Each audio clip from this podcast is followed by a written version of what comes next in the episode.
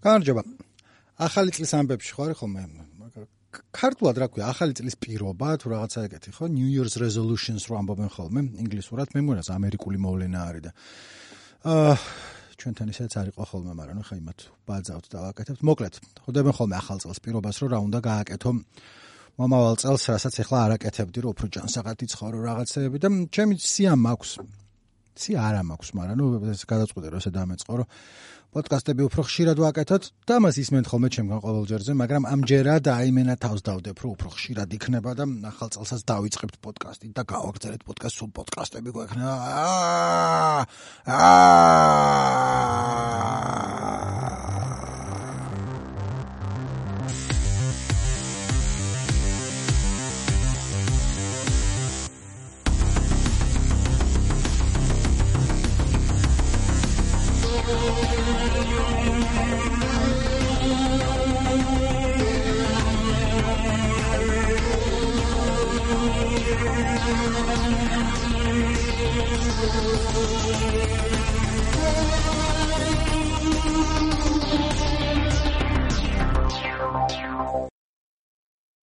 ეხლა ვითარება გვაქვს. ერთი პოდკასტის მსმენელებმა შეიძლება არ იცოდეთ, ბოლო რაღაცა ერთი თვეა გავდივართ ხოლმე რადიო მაესტროზე, კვირაში ერთხელ, ამიტომ მარტო ჩვენ არა ვართ, garaში ხალხიც გვისმენს, garashi რა ჩვენი მსმენელები არიან ეგენიც. გამარჯობა რადიო მაესტროს ხალხო და თუ ვინც არის, ანუ რამდენჯერმე გავიდა გადაცემა იქაც, მაგრამ ძველი ჩანაწერები გადიოდა, ვამბობთ კიდევაც არქივია, უკვე არ ვატყუებთ ვინმეს და რაღაცა, მაგრამ ამერნეს ახალგადაცემებსაც გავუშვებთ ხოლმე და ვინც ახლა რადიოში გვისმენთ, ეს არის რადიო თავისუფლების პროგრამა, ქვია ნიკოს პოდკასტი, ნიკო მე ვარ, ნიკო ნერგაძე ამ გადაცემის წამყვანი ავტორი და შეუცვლელი პიროვნება ამ პოდკასტის ფარგლებში, იმიტომ ჩემი არის. და აგერ უკვე მე მგონი მესამე წელია თუ მეოთხე, კაი ხანია უკვე ვაკეთებთ ამას. ხან ინტერვიუები გვაქვს ხოლმე ადამიანებთან, ხან მარტო ზივარ და სხვა სხვა თემებზე ვლაპარაკობ.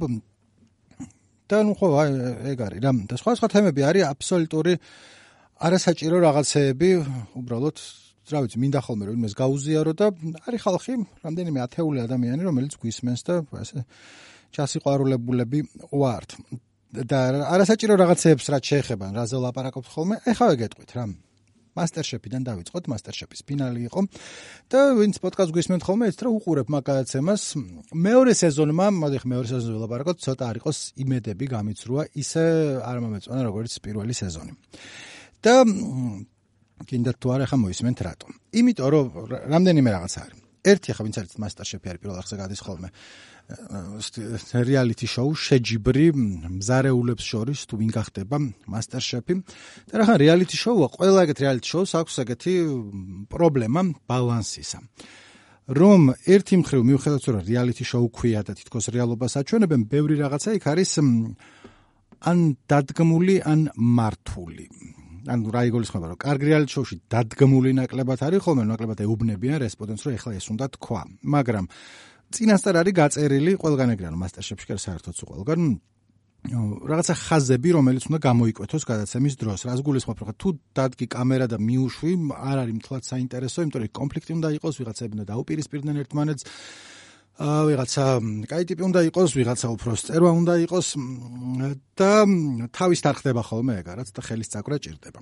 პრობლემა ჩემთვის წარმოიქმნება მაშინ, როცა ხელის წაკვრა ძალიან ეთყობა ხოლმე მაყურებლის თვალსაზრისით. ეხლა იგივე პრობლემა ფლატ გადაცემისთვის ნაკლებად არის ხოლმე, იმიტომ რომ როგორც ვიცი, ხა მეორე სეზონს უფრო მეტი ადამიანი უყურებდა ვიდრე პირველ სეზონს და მაყურებელი ყავთ, მაგრამ ნუ მაგაზე ხო არ არის ხა ჩემთვის რა.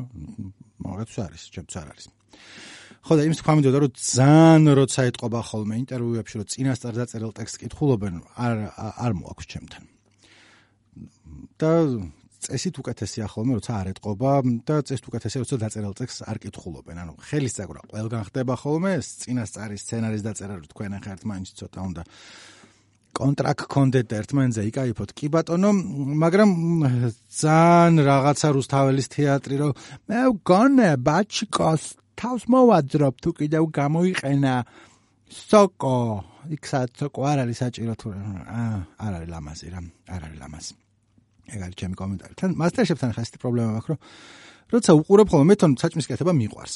არავის არ ჯობნი მაგრამ ნუ რაღაც გავაკეთებ რა გამიკეთებია სახში ნახევარჯერ მე ვაკეთებ ხოლმე ნახევარჯერ ჩემი ცოლი და ესეთი ტიპის გაცემები მიყვარს რომ ხანდახან რაღაცას ისწავლე. კი არ ვამბობ რომ ეს რეალიტი შოუ სასწავლებელი უნდა იყოს და აუცილებლად ჯემი ოლივერი და რაღაცა რჩევები მოგცენ, მაგრამ გზა და გზა რაღაცებს სწავლობ ხოლმე ადამიანი, ნახე იმე როგორ გააკეთან შთაგონებას გაძლევს ხომ, შთაგონება გაი სიტყვა. ეს მასტერსეფი არაფერს არ გაძლევს ხოლმე, თუ არის ძალიან ბევრი აა ტყუილი. აი რა პონჩი თქვა, რომ სუპერ ბოლოს ფინალში იყო, ხო, რომ ერთ-ერთმა ბოლოს დაამატა თევზი, რომელიც თავიდან არ ქონდა 15 წუთი იყო დარჩენილი, რაღაც გაწმინდა დააგდო და ეგ კი არ არის ტყუილი, ის რომ მე როცა წარადგინა ეს კერძი ამბობს, რომ ეს არის რაღაცა და თევზი არის მარინადში, ზეთის, ნიურის და რაღაცის და რანაირად არის მარინადში, როცა 15 წუთის წინ თევზი ცურავდა ატლანტის ოკეანეში, მარინადს დრო ჭირდება. შეიძლება ნიური მოაყაროთ თევზს და დადოთ აფაზე, მაგრამ არ არის ეგ მარინადი და ეგეთი რაღაცები მე ხელს გიშლეს ხოლმე. თითქოს ახლა დეტალია და რატო ჩავეძიე და იმი მარინადი არის თუ არის რა მნიშვნელობა აქვს, მაგრამ აქ მნიშვნელობა იმიტომ რომ რა რა უცილებელია რომ მარინადი თქვა, როცა არ დაგიმარინადებია. რაღაც 1-15 წუთი მაინც თუ არ დევს პროტეინი თუ რაღაცა სხვა იმ ტიპში, ზეთში და ძმარში და ნიორში და მარილში. არ არის ეგ მარინადი, ეგ არის ზევიდან მოაყარე მე და ბაზარი არ არის მოაყარე ხარ, რა უცებ ყველაფერი მარინადში იყოს, მაგრამ აი ეგრე. კიდე რა დამიგროვდა თქვენთვის და განსაკუთრებით რადიო მაესტროს მსმენელისთვის აა რაღაც აზრები მომაწვა, რომელიც არავის არ აინტერესებს საერთოდ და იქნება თქვენ დაგაინტერესოთ მეთქი. სახალდობრიმაში სად არის ჩემი აზრით ყველაზე კარგად ნაჩვენები და ყველაზე სწორად გამოყენებული აა გეები სად არიან ყველაზე კარგად ნაჩვენები? მოკლედ, მთელი პრობლემა ხო არის? ბოლო რაღაც წლის განმავლობაში, განსაკუთრებით ამერიკაში, რომ მოითხოვენ თუ ითხოვენ თუ რაღაცა ეგ ბაზარია, რომ სახიობები, ანსამბლი სამსახიობი, მოკლედ ვიღაცა უნდა იყოს უმცირესობის წარმომადგენელი. ჩავკანელი უნდა იყოს, ერთი ვიღაცა გეი უნდა იყოს და შეიძლება არის ყოლმე კამათი იმაზე, რომ ეს ძალით რატო გააგებეს, როცა არ იყო გეი, ერთი მთელი ამბავი იყო, ეხლა მასთანაც კითხულობდი, რომ ვიღაცა წერდა, რომ სტენლი კომიქსების ღმერთი ჰომოფობი იყო, იმიტომ რომ ამბობდაო რომ სპაიდერმენიო გეიო არასდროს არ იქნებაო და მე ვიღაც სხვა უწერდა თუ მე რომ არ არისო გეიო და რა გინდაო თუ ჯიგრობა გინდა და რაღაცა მრავალფეროვნება გინდა და საინტერესო ახალი პერსონაჟი დაამატე რომელიც გეი იქნება და ის რომ ვიღაცა ვინც გეი არ არის უცებ გეი გახდეს ამით ვერავინ ვერაფერს ვერ იგებსო და აბსოლუტურად ვეთანხმები და რომელ შოუშია ჩემი აზრით ყველაზე კარგად აი ნაჩვენებ. რომელში და არის ეგეთი კომედიური სერიალი სიტკომი Brooklyn Nine-Nine ქვია Brooklyn 99 რომელიც სიტკომი 20 წუთიანი სასაცილო სერიები არის სადაც არის ერთი პოლიციის განყოფილების ცხოვრება. ნაჩვენები ხა არ არის ძალიან სიტკომია რა სასაცილო არის ძალიან ძალიან კომიკური სერიალია და მან დაყავთ ერთი პერსონაჟი პოლიციის უფროსი ვინც არის შავკანიანი გეი on dro ისეთი გეი ქმარი ყავს სახლში და ნახევარი ამბები მის გარშემო ტრიალებს იმაზე რომ აი მის იდენტობასთან დაკავშირებით მაგრამ რაც მომწონს ყველაზე უფრო არის რომ მიუხედავად რომ ტიპი არის ძალსახად გეი არის კიდევ ერთხელ ქმარი ყავს და მთელი რაღაც სიუჟეტური ხაზებია რომ ახალგაზრდობაში როგორ იჩაგრებოდა პოლიციაში, იმიტომ რომ შავკანიანი იყო და გეი იყო, მაგრამ მარტო ეგ არ არის. არის უამრავი სიუჟეტური ხაზი, რომ მისი პიროვნება მარტო აი ამ მისი სექსუალური იდენტობით არ შემოიფარგლება და აქვს უამრავი სხვა מחასიათებელი ტიპი არის რა რომელიც პახოდუ გეია მაგრამ თან არის რაღაცნაირი ძალიან წესიერი კაცი არის რომელიც იუმორის გზნობა არ აქვს მიყვება ხოლმე აუცილებლად რაღაც წესების მიხედვით უნდა გააკეთოს ყველაფერი განათლებულია უკიდეგანო და და მეორე პერსონაჟიც არის რომელიც შუა სერიალში ირკვევა კი არ ამბობს რომ ბისექსუალი ვარო და ისიც ესეც არის თავისი მაგ რაღაც პირადი ცხოვრება ნაჩვენებია მაგრამ იმ დოზით რამდენადაც სხვების ამ ჰეტეროსექსუალების პირადი ცხოვრება ახლობე ნაჩვენები და სხვა რაღაცეებიც აქვს მაგის გარდა. და ეგ ძალიან აკლია ხოლმე აი სერიალებში თუ ვიღაცა გეი არის, მარტო გეი არის და მეტი არაფერი არ ხდება მის თავს გარშემო და ძალიან შეიძლება მანერული იყოს, ბაზარი არ არის, ზოგი ისეთია, ზოგი ასეთია, მაგრამ აი მარტო რო ეგ არის, რა აი მე girlfriend წამადე ახლა კაბაშთან თუ შევარჩიოთ თუ რაღაცა და ხო, ნუ ბაზარი არის შევარჩიოთ კაბა, მაგრამ სხვა ცხოვრება არა გაქვს, რაღაცა სარაკეთებ? აი ეგ იყო ჩემი კომენტარი. რაც შეეხებოდა დამარინადებას MasterChef-ს და Brooklyn Nine-Nine-ს, რომელსაც 6 სეზონი აქვს, არის გადასარევი. თავიდან რომ ჩართავ, თუ არ გაქვს ნანახი, იფიქრებ, რომ ნიკომ რა მირჩიეს სულელური სერიალია, მეც მეც სასაცილოა და არა, სულელური სერიალი ხარ შენ, იმიტომ რომ ძალიან სასაცილოა Brooklyn Nine-Nine და მაგაზე მორჩეს ლაპარაკი, რომელიც მევე დავიწყე. ეხლა ეხლა პატარა სიმღერაც გავუშვათ, რომელიც ადრე შევარჩიე, რამ რამდენიმე თვის წინ. პოლიტიკა არის ესეთი ბარი ზოგმა იცის ზოგმა არა მან მქონდა მუსიკას უშვებდი, რა ქვია. დიჯეობდი სარამბობი ხომ თუ არ დიჯეობდი, მაგრამ სელექტორი ქვია ხო მუსიკას უშვებს ხომ და ვიღაცები გაიფობენ და მაგის თქონდა შერჩეული ეს სიმღერა, იმიტომ რომ ქვია My Boyfriend is a Communist და მაშინ პოლიტიკაში სოციალისტები დადიან ხოლმე და ხუმრობის არსი ეგ იყო და მე არ გაუშვი, იმიტომ რომ არავინ ეგ სიმღერა არ იცის. რატო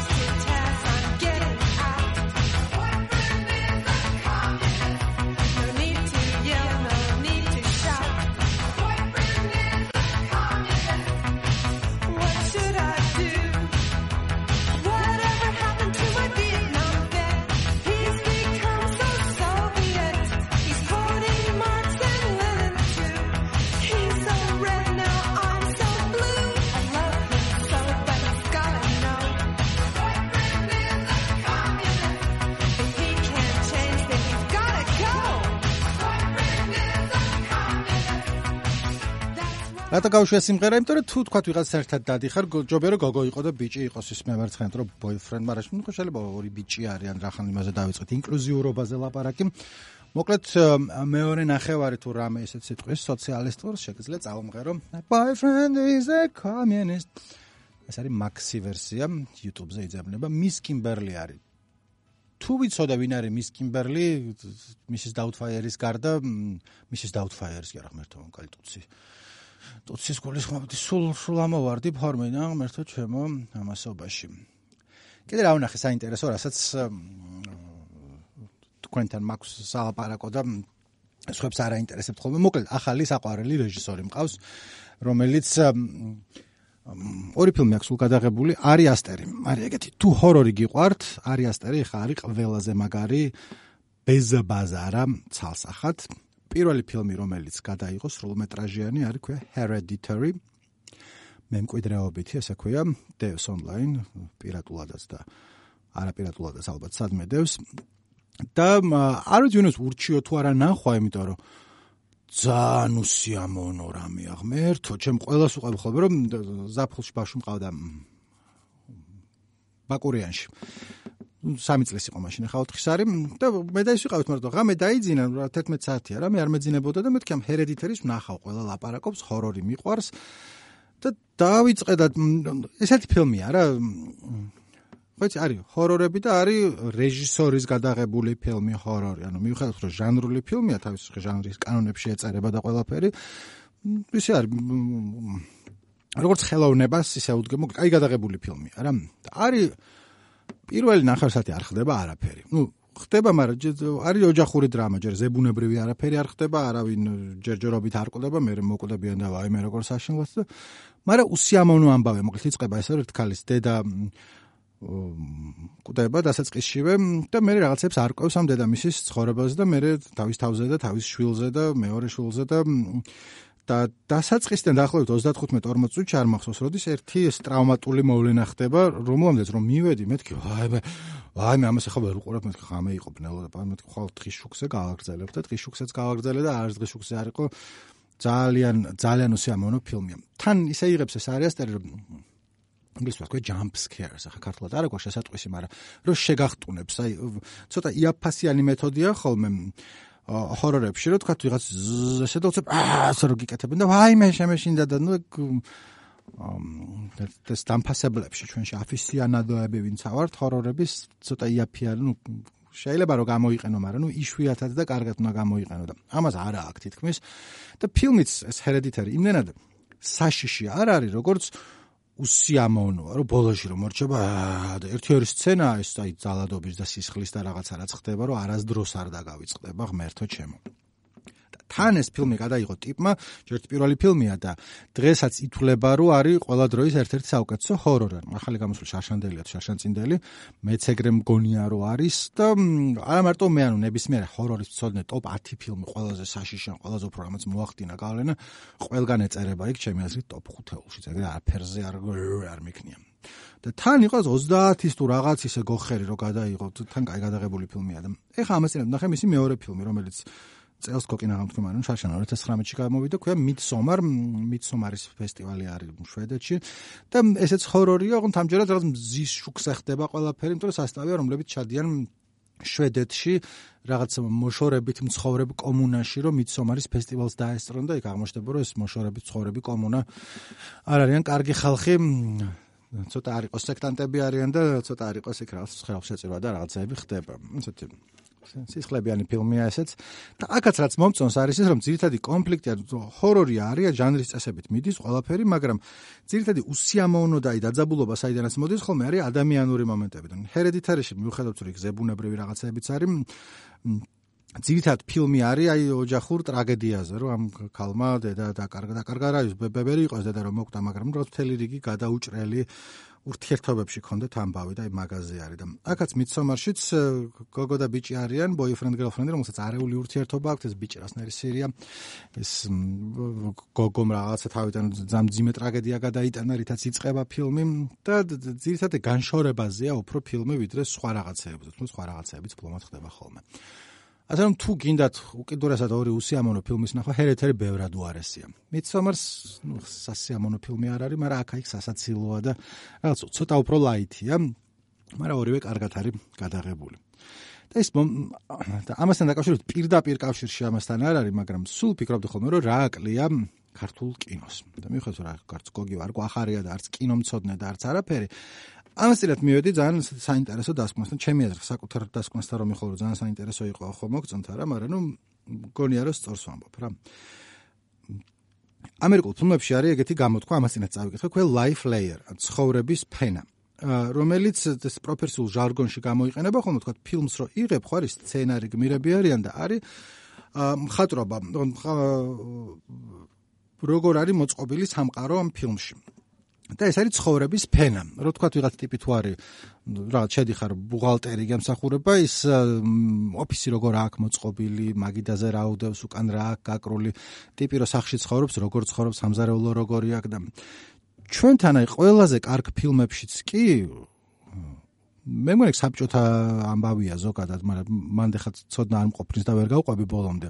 მაგრამ რაც ქართული ფილმები მახსოვს აი ცხოვრების ფენა სერიოზულად აკლია ხოლმე აი საერთოდ სულ ყველაფერს. ამ თქვა ამასთანავე უყურებდი მებები ელიკო და ილარიონს რომ ტელევიზორში გადიოდა თან მიყვარს აქ ფილმი, ციგნის მიყვარს და მაგას ხაზგასმით იმიტომ ამბობ რომ რაღაცნაირად კი არ ვაკრიტიკებ, უბრალოდ ცოტა სხვა სტილი გვაქვს ჩვენ აღებული და იმათთან სხვა სტილი აღებული და რაღაცებში ის ჯობია ჩემი აზრით და ჯობიაში რას ვამბობ რომ აი მებები ელიკო და ილარიონს რომ უყურებ არა მე მგონია არ დაგრჩება და არ გეცოდინება ბოლოს ტიპები როგორ ცხოვრობდნენ მეორე მსოფლიო ომის დროს გურიის სოფელში.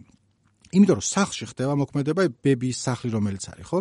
ეხ თვალი რომ დახუჭო გაგახსენდება შიგნით რა ხდება საერთოდ რამე? არ გაგახსენდება, მაგრამ ეხა უყურებდი და კი ეხა მოწყობილია ის არ არის შიშველი კედლები არ არის, მაგრამ არც მაინდა-მაინც დასამახსოვრებელია ბევრი რამე, ხო? ერთ-ერთი რომ ვიფიქრე ალბათ გიორგობის თვეში არის უკეთესად მოწყობილი ეგა, მაგრამ მაგაზეს თავს ვერ დავდებ, რომ არ მახსოვს, ანუ ფილმი მახსოვს ამასინათ ნახე და ყველაფერი, მაგრამ ეს გარემო როგორ ქონდათ მოწყობილი არ მახსოვს. და ალბათ ცისფერმთებში, იმიტომ რომ ცისფერმთებში შენობა და მთლიანად ოფისი და სადაც არიან, ნუ ერთ-ერთი მთავარი გმირი არის. სხვანაირად ვერ იქნება, მაგრამ მანდაც კი აი თან ხა ჩვენი ავიღე ფილმები რაც დააქვჩა ხე მებებელიკო და ილარიონის და სხვა სხვა დონის ფილმებია, მაგრამ მაინც ხო რაღაცა ის არის მთავარი ფილმები რაც მქონია სხვა სხვა ჟანრში ეგენია. და ამერიკული ყველაზე ბანძი ფილმები რო არის ხოლმე, რო არ დაგამახსოვრდება რაღაცნაირი კომედიები ან რომანტიკული დრამები, ყველგან აი გაქვთ ბოლომდე გამართული, შეხედავ და აი გააჩერებ კადრს და უცებ ხვდები ვიღაც აი ბანკის თანამშრომლის მერხი როგორ არის მოწყობილი ან სამზარეულო როგორ აქვს მოწყობილი. აი მთელ ქართულ ფილმებში ხარ ხოლმე თითქმის ყველა ფილმში არის кейფი. რაღაცა ჩვენი ეტყობა ეროვნული რაღაცა იმის ნაწილია და სუფრას უსხედან და ლაპარაკობენ და ძალიან იშვიათად რომ დაინახო რა სჭამენ საერთოდ. ხო? მაშინ როცა თქვა ამერიკულ ფილმებში რომ შეხედავ ჩანს ხოლმე რა სჭამ, იმიტომ რომ რა სჭამ ნიშნულოვანია რომ გადმოსცე განწყობა იმისა, რა თქვა. სუფრა არის ხოლმე გაშლი, სუფრაზე რაღაცეები დევს, მაგრამ ეს რაღაცეები არის გაზელილი ერთმანეთში და აი არა აი ეს თუ წაგიკითხავთ სატახტოთა თამაშები ქვია ხო ქართულად Game of Thrones. წაიკითხავთ იმიტომ რომ სერიალი ცხოვრე და ციგნში ნახევარი ციგნი არის ვინ რა სჭამს მაგაზე რომელიც თავიდან ცოტა შევწუხდი და მე ნელა მაგაზე გავხურდი რომ მეთქი აბა ეხა რა სჭამენ? კიდე ერთხელ ბოლოკი მოხარშეს თუ რაღაც ხორცი თუ. მოკლედ არ ვიცი ამათ დავიწყე რომ საინტერესო არის მაგარი მიგნება არის და ან არის ან არა. რა მაგრამ მე მგონია რომ კარგი მიგნებაა. და მეორე რაც მაწუხებს აი მებები ალიკო და ილარიონს რო უბრალოდ აი რას უყურებდი გეტყვი ხა რაღაც ამერიკული ფილმი იყო ძველი და თავიდან საუნდტრეკი ქონდა შავთეთრი ფილმი იყო და ეგრე იწყებოდა ტიტრებზე და გამახსენდა გიორგი სააკაძეან რაც აი მაგრონდელი ქართული ფილმები ყველა ესეთია და ცინვით არ მღეროდი სხვა უკეთესად არ შემელია და იმიტომ გავაკეთე ეს. და მე რო ფიქრობდი რამდენად მე მგონი ამაზე ადრეც მილაპარაკია და მარტო კინოს არ შეეხება, მაგრამ ნუ აი მუსიკასაც შეეხება ხოლმე ბევრ შემთხვევაში. რამდენად დიდი წყვეტა გვაქვს აი ძველი რაც ხელოვნება ქონდა იმასა და ახალ შორის, აი რას გულისხმობ რა. თქვა მუსიკაში შედარებით გამოსწორდა ვითარება, ხო იყო რომ თქვა 70-იან წლებში რაც ესტრადა ქონდა 80-იან წლებში ეს სუფრული სიმღერები იყო, საესტრადო სიმღერები იყო და მე ერთბაშად 90-იანებში გადავწყვიტეთ რომ ეგენი არის ყველაფერი გოიმობა პაგალოვნად, ცალკე ჩვენ ჩვენ ცალკე იმას ვარსკვლავს უნდა ვზდიოთ პოსტპანკის ამონათებულ ვარსკვლავს და ისინი აღარ გჭირდება საერთოდ და არისო ეგრე იმიტომ რომ ნუ ეგეც შეიძლება არ იყოს ყველა გადასარევი სიმღერა და ყველა ბიტლსი არ იყოს მაგრამ ისიც ახლა ჩვენი კულტურის იმიტომ რომ მოდი არ გადავაგდოთ მაგრამ როცა რაღაცაზე ჩემი აზრით როცა რაღაცაზე არის დაშენებული უკვე არსებულზე უკეთესად გამოგდის ვიდრე цаრიელი ადგილიდან როცა იწყებ ერთი და მეორე როცა არის დაშენებული შენს ფესვებზე უფრო ღრმად და კარგად დგას ეს ხე თუ რაღაც ფესვების მეტაფორას მიყვებით, ვიდრე მხოლოდ სხვების ნიადაგზე თუ არის მოყვანილი. აი რაც გულისხმობ თქვა 33 ამაგიტომ ევასება რომ მიუხედავად იმისა რომ არის ძალიან უღმერთო ჰიბრიდი ბევრი სხვა სხვა ჟანრის, აი როკის, რეგეის, რაღაცა ქართული ხალხური მუსიკის დიდი ნაწილი სწორედ ამ ქართულ რაღაც ფესვებზე დგას, რომელიც საზრდოებს მუსიკას და შეიძლება არ მოგწონდეთ ან რაღაცა გეგოიმებოდეთ ბაზარი არ არის, მე ძალიან მომწონს ჩემი ერთ-ერთი საყვარელი ქართული ჯგუფია 33-ია და მგონია რომ მაგიტომ აი არა, ხო? არა არის შედარებით ახალი ჯგუფი.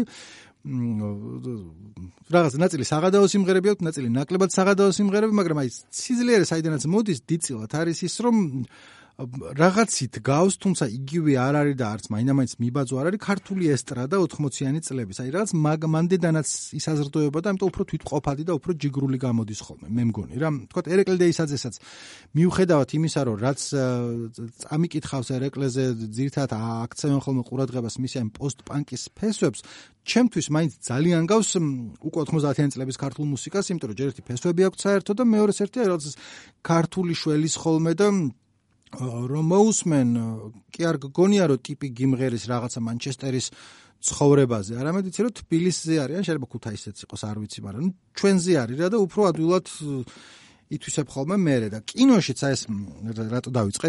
იქიდან ბაშიაჩუკი ვიგულისხმე როცა ვთქვი გიორგი სააკაძეს. აა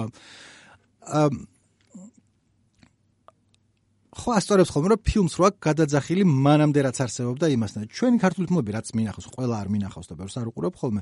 როგორც წესი არის ცალკე ტიპი რომელიც ცალკე დგას თითქოს ეს იმდენი რაღაცა სხვა ფილმი მანამდე არ გადაგვიღია საიდანაც შეიძლება ან რეფერენსი იყოს ან გადაძახილი იყოს ან რაღაცა იყოს.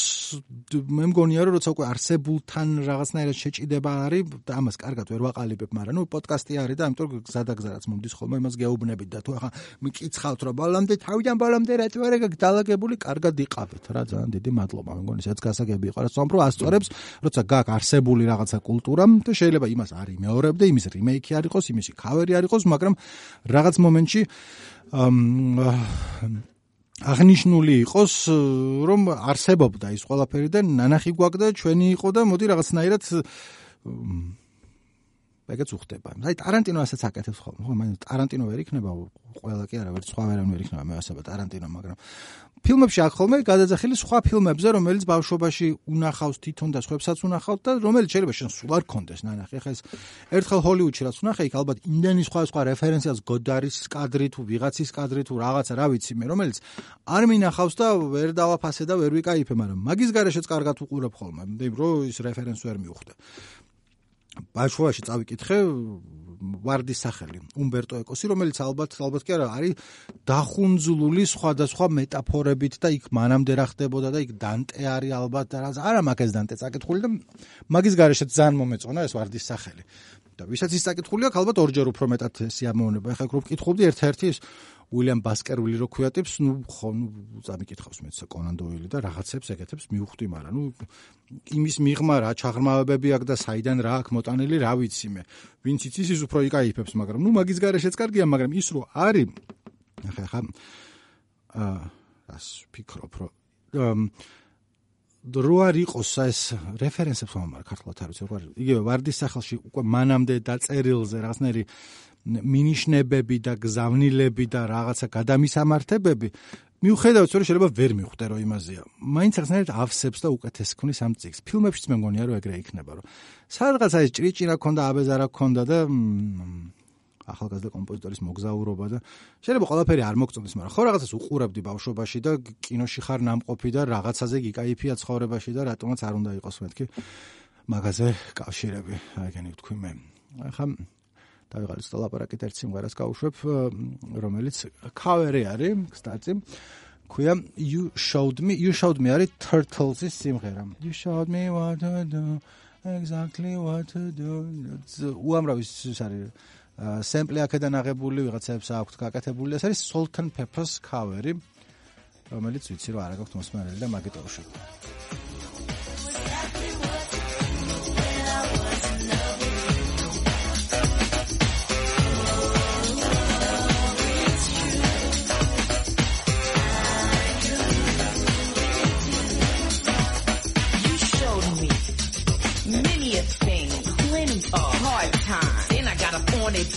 the hard way. Out there to attack, you chose me to slay. Saw what you did uh-huh. and said enough but what?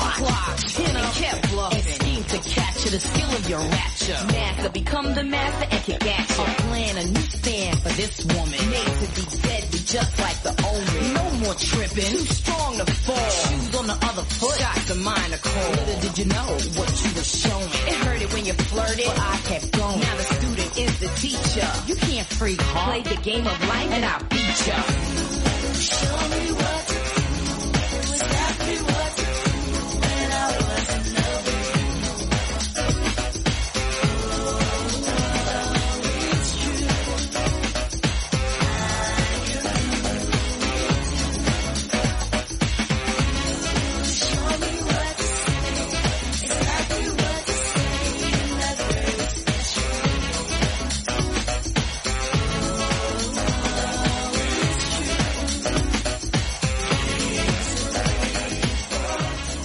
მეგონი 90-იან წლების საუნდია არა მე მგონი ეს არის ხო ეს new jack swing-ი ეს არის ეს ხმით ვერ ვცნობ ხოლმე ყველაფერს მაგრამ მე მგონი არის იმიტომ რომ ეს boys to men-ის სიმღერა რა ხო ეს feel is back again. Da ba da ba da ba not too hard not too strong. Nan dan nan tu dan. ეს სიმღერა უნდა გამიშვა ეს უფრო მომწონს ვიდრე ეს მაგრამ ესეც კაი სიმღერა არის კიდე რაზე? ბოლო დროს მაგ გაჭედილი ყველა ჰაშტეგებს რო წერს ხოლმე გასაკუთრებით სარეკლამო ჰაშტეგები რო არის ბორჯომს აქ სარეკლამო კამპანია #იბორჯომე და ვინო ხერი დაწერს #იბორჯომეს ოდესმე ბორჯომის თანამშრომლის გარდა. აი ვიღაცა მიწერს Facebook-ზე მეორეს რო პახმელიაზე ხარ #იბორჯომე თუ რაღაც. თუ მიწერს მაგაზე მგონი ზმაკაცობაში საცემია. ნუ საცემია ძალიან არა მაგრამ ცოტა რაღაცა რო მეგობრებმა რო უთხრა რომ ცოტა ისქენი დააყენე და მეტი ეგეთი სისულელი აღარ თქვა ცხოვრებაში აღარ ასწროს. #გიბორჯომე და თან განსაკუთრებულად ჩახლართული სამსიტყვიანი ჰეშტეგები რო არის ხოლმე. მე და ჩემი ნაბეღლავი თუ რაღაცას არა აქ ნაბეღლავს ეგ მაგრამ რო გქონდეს მარტო ბორჯომი რო არ მეხსენებინა. თანაბრად თუ ანაწილებ ხოლმე. და ასევე ბოლო დროს აი ცოტანაირებს მიშლის ხოლმე ძალიან ეპიკური რეკლამები როა ხოლმე და კრეატივი როა ჩადებული და გაცილებით მირჩევნო თქვა რომ აი რაღაცა ეს დევს ეს ფასი ღირს მამენ საკაიფო ან რაღაცა ძალიან კაია აიღეთ ვიდრე ეს რომ 1900 თუ არ ვცდები Head and Shoulders-ის რეკლამა იყო ალბათ კორეული. ეხლა ნეტა მენახა, მაგრამ ეხლა რო შემეხედა, მაგრამ კორეაში როგორც ვიცი, აქვს ხოლმე მე მგონი კორეული იყო რა ძალიან აი რაღაცნაირი ამბავი მოყოლილას ამბავი იყო რომ მამა და შვილი არიან და შვილი პატარა არის ჯერა და უნდა ვიოლინოზე დაკვრა უნდა და ეს მამამისი ბრმა არ თუ ეს გოგოა ბრმა რომელიღაცა მთელი ამბები ხდება იქად ეს მიყავს რაღაც ბოლო ფულს ახარჯავს რომ ამან ისწავლოს ვიოლინოზე დაკვრა და ეს ხდება წუთნახევრის განმავლობაში ეს ნელი ასნაირი კადრებით და მე ბოლოში ეს გოგო გამოდის სცენაზე და ეს мама უკვე მკვდარია ყველაფერს ზუსტად არ ყვები მაგრამ რაღაცა ეგეთი ამბები ხდება რა და ეს რაც უსინათლო რატომ ახსოვს რომ ან ეს გოგოა უსინათლო და უკრავს ვიოლინოზე ან მამამისი არის და ცრემლები ორივე ჩამოსდის ღაპაღუპი და ეს თქო და ნო ნო ნო უკრავს და თმები უფრიალებს და head and shoulders ეწერება და თავდება რეკლამა და ფიქრობ რომ აუ რა იყო ეს რა გინდოდათ ვაფშე რა ხდება და ხო და შინაგანი ბავშვიც მაგას მიშვება ხოლმე და რა შემილია ძალიან ასე მთელი არ მინდა რომ რეკლამიდან ის დამრჩეს რა არაფერს არ მიშვება მე ვისაც გიშვებათ გაგატაროთ ბაზარი არ არის. მოკლედ მან უნდა იყოს ის დაცული რა გეტყვით რა პრინციპი უნდა იყოს რომ არც ძალიან იქით და არც ძალიან აქეთ. აი რას გულისხმობ რომ არის ხოლმე ძალიან ბანძი და უ რაღაცა რა არის უაზრო კი არა უკრეატიულო კი არა. სლოგანები არის კინოში რო გადიხარ ხოლმე კინოს წინ გადის რეკლამები რო არის ერთ-ერთი რაღაცა სამშენებლო კომპანიის თუ დეველოპერუს რაღაცას ბინა თუ ბინას ეძებ. და თუ ბინას ეძებ რას მეუბნება საერთოდ? და მეორეა კიდე ერთად მეტი ვიდრე ბინა. აი რაღაცა რაღაცა ისქენი მიდექი, მოდექი რამე მოიფიქრე კიდე რას წარმოადგენს ცხოვრებაში. #იბორჯომე. და პეპსის აქ კიდე აუ რაც ნათარგმნი არის არასწორად. მე მგონი, იმიტომ რომ თუ სწორად ხვდები, ტელევიზორი მქონდა ჩართული საახალწლო და იქ გადიოდა ვიღაც ორი ტიპია, პეპსი ხომ არ დაგველია და კი მაგრამ როგორ ის პასუხობს და მე არის რომ მიზეს რა გამოლევს პეპსისთვის ყოველთვის არის მიზეს თუ რა? კი მაგრამ როგორ პეპს თუ გინდა დალიერას? რა მიზეზი გჭირ? რატომ და მოიფიქრო მიზეზი პეპსის დასალევად რა ან კოკოლას ორივეს ვახსენებ რომ არისოს რომ თუ გინდა დალევა დალიერა რატომ უნდა მოიფიქრო მიზეზები პეპსის დალევის ვინ ვინ მოგთხოვს პასუხს მე არ მოგთხოვ პასუხს აი ეგრე ასევე და ეს არ ვიცი ჩავატიო და ბოლოსკენ გავდივარ ნელა და ყველაზე უფრო უაზრო გადასვლა მექნება ახლა უაზრო გადასვლების ისტორიაში. ლიონე ბერგელი ემილი წაგიკითხავთ თუ არა? ალბათ ყოველს წაგიკითხავთ, მაინც ვისაც ასტრედ ლინდრენ ჩემი საყვარელი წერალია, ბაზარი არ არის. და იქ არის ესეთი მოკლედ რას ვამბობ, ხანდახან ხო თითქოს ძალიან საბავშვო ციგნია და არის შიდა შრეჩანს რაღაცეების რაც ხდება, რომ უფროსი რო ხარ მე მიხვდები, თუმცა აი ვაფშე სხვანაირად რა. მოკლედ, ემილი და იმისი და кайხანა ეს სცენა აღარ წამიკითხავს, მაგრამ მაინც შეიპარებია რომ მეზობელ ხუტორში, რომლის ტიპის შვილი არის ამერიკაში წასული. და იმან ამერიკაში რო წავიდა, ერთ-ერთი წერილი გამოაგზავნა, რომელიც სახლში დევს და არავის არასდროს არ აჩვენეს. და მოკლედ რანაირად ჩავარდება თამათ ეს წერილი ხელში არ ვიცი, მაგრამ ემილი გაშლის და წერილში წერია ესეთი რაღაცა მე დათვი მოვკალი goodbye. ნუ შვილმა იქიდან გამოაგზავნა ამერიკიდან ესა და მე ამ წერილს და დაჭმუჭნიან და მელანში ამოავლებენ ვითომ ემილს და ემილის დას რა ერქვა დაიკოიდა. დაიკოიდა სტიფი აქვს და მეც ხებში აშინებენ და ის რაც დათვი მოუკალე შვილი ამერიკაში წასული აღარ ძარი ნახსენები აღარასდროს, მაგრამ რაჟუტ კი აიმა რომ მოწერა წერილი მე დათვი მოუკალი გუდბაი და ამით შენახული ქონდა წერილი, მაგრამ თან არავის არაჩვენებდნენ, თან უწყდებოდათ და თან რა ბავშვი ენატრებოდათ ალბას და სევდიანი ისტორია ამეთ უმკითხავ. ეს პაუზა გავაკეთე რომ სევდა გაგიჯდეთ კარგად. ახალი წელი იყო კიდე რაღაც ცევდიანი გარეთ. ეს რესპუბლიკის მოედანზე რო იყო რა ეხაც არის.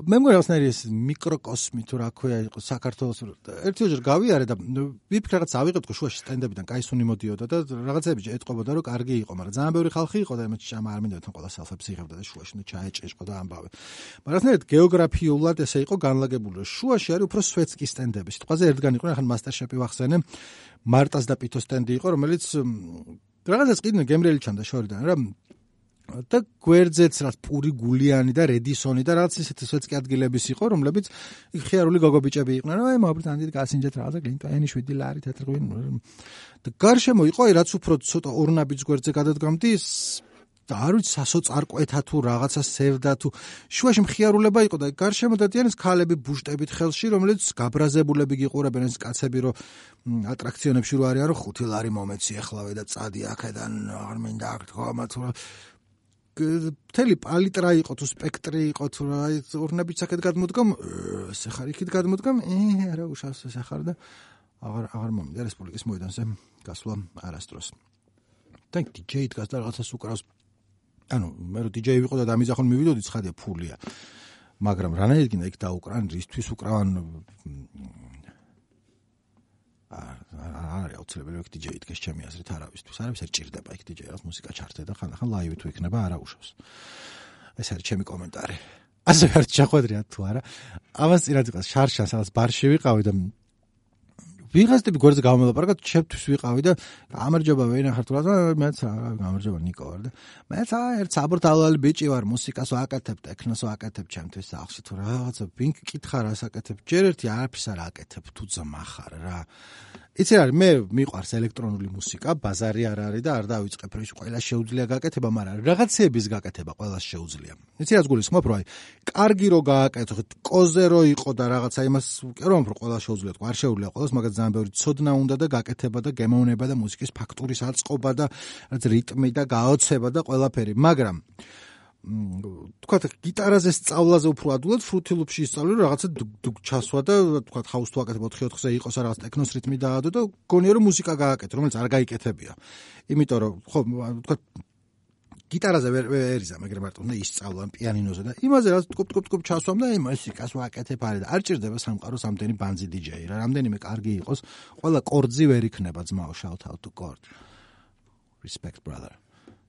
არ ჩემი ძმა არ ვიცნობ, მაგრამ არც მომისმენია, მაგრამ ჩემ გარშემო ვინც ამბობს, ვინც არის ყველა ამბობს, რომ ყველაზე მაგარიაო და შეიძლება არა, შეიძლება მოусმინო და არ მომეწონოს, მაგრამ რა უცებ არ გავარჩიო კარგი და ცუდი.